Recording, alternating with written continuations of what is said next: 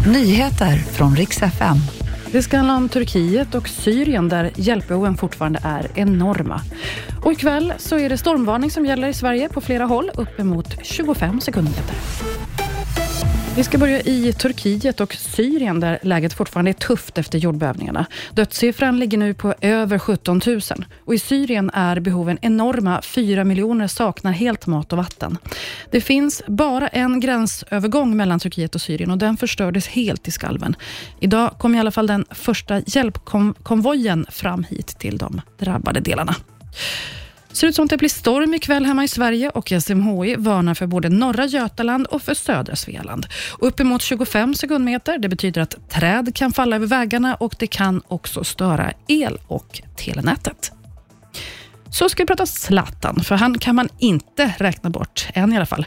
Han har ju varit skadad och inte kunnat spela på åtta månader efter en knäoperation, men imorgon kväll, då är han tillbaka i truppen när Milan möter Torino.